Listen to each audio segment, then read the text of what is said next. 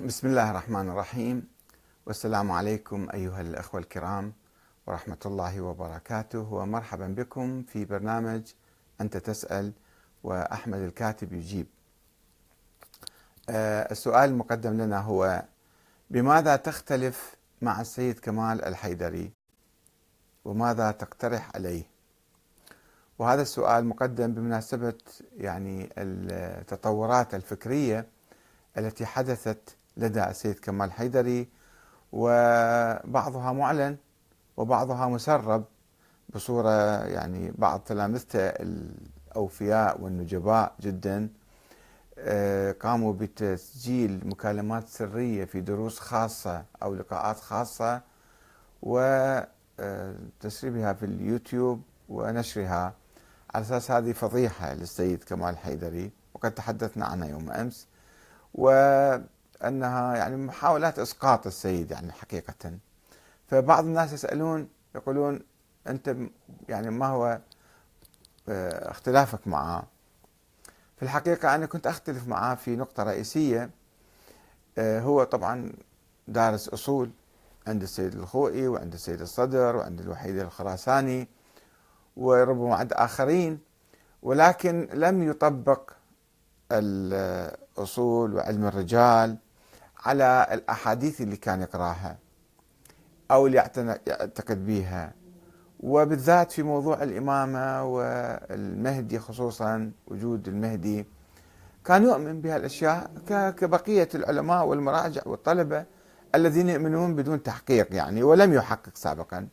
حتى عندما أصدرت كتابي تطور الفكر السياسي الشيعي من الشورى إلى ولاية الفقيه قبل حوالي 20 سنة هو قام برد علي قام بكتابة رد مع تلميذه السيد نذير الحسني.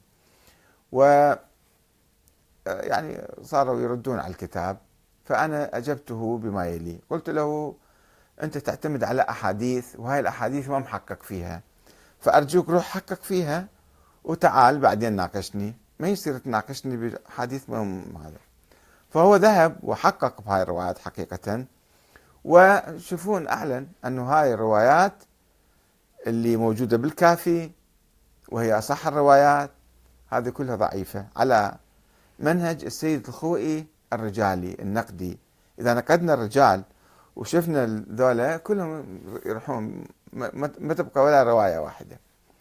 فهذا ما كان خلافي سابق معه. طبعا أختلف معه أيضا في الاعتماد على ابن عربي كثير. أحد صوفي يعني يكاد يدعي النبوة عنده رؤى وأحلام وإلهامات وإشراقات وحكي كله بدون علم. يعني صوفي زعيم الصوفية هو أيضا أصبح آه، محي الدين بن عربي وكلامه كله من أول يوم يقول أنا طفل صغير وقام تجيني إلهامات.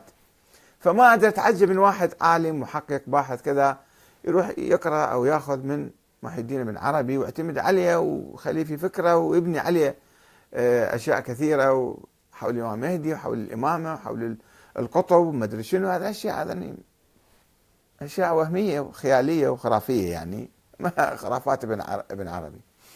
هذا أختلف معه كثيرا في الحقيقة وتحدثت يمكن سابقا عن الموضوع. وهو باعتباره دائما في حالة تطور وحالة إيجابية جدا نادرة وقليلة عند العلماء. بعض الناس عندي كان أستاذ في الحوزة الآن موجود في قم أستاذ معروف كبير هذا الفكرة اللي قبل خمسين ستين سنة اعتنقها مية بالمية يؤمن بها بدون تغيير وما مستعد أنملة قيد أنملة يتجاوزها أو يعيد النظر فيها. وكثير من هؤلاء الأساتذة موجودين. يخافون يبحثون يخافون يتطورون يخافون أي شيء يعني شوية يفتحون عقولهم. السيد كمال بالعكس فاتح عقله ويبحث ويقرأ كثير. يقرأ مفتح على كل الثقافات. يقرأ ويطالع ويفكر. ولذلك يتطور. وهذا شيء إيجابي جدا مهم. لأن ما يصير الإنسان يبقى على حال وحده. خلص كل ما أنا أعرفه هذا صحيح مية مية وبعد أنا ما أفكر مرة ثانية. وأنا ما دارس الأمور مسبقا مثلا. ما يجوز. إذا أنت ما كنت دارسها بعمق وما مجتهد فيها روح اجتهد دائما. ومتى عندك فرصة روح اجتهد إحنا أحيانا نطالب الناس العوام عامة الناس يعني نقول لهم روحوا اجتهدوا لا تقلدون. وهذا الكلام أو هذه النصيحة في الحقيقة من الأولى أن نوجهها إلى كثير من العلماء والمراجع.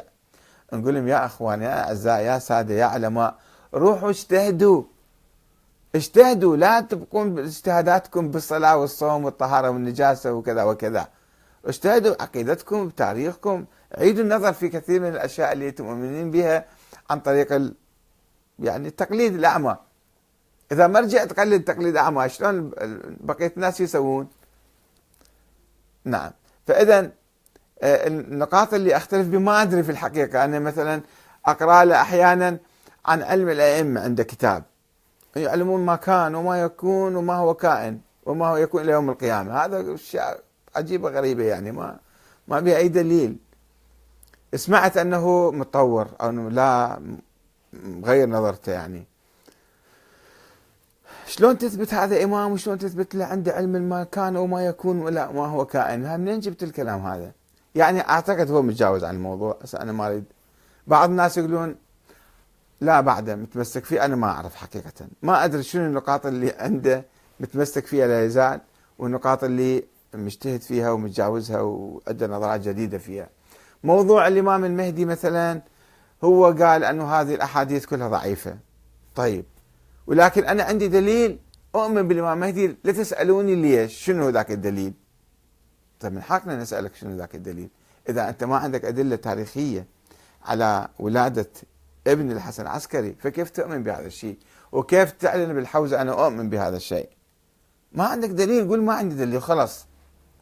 أو أسكت على الأقل أسكت لا تجي تصدى للدفاع عن عقيدة أنت ما تؤمن بها طبعا اجى هذا تلميذ أحمد الجعفري قال لا هو ما يؤمن بس ما يقدر يعلن أو ما يعلن.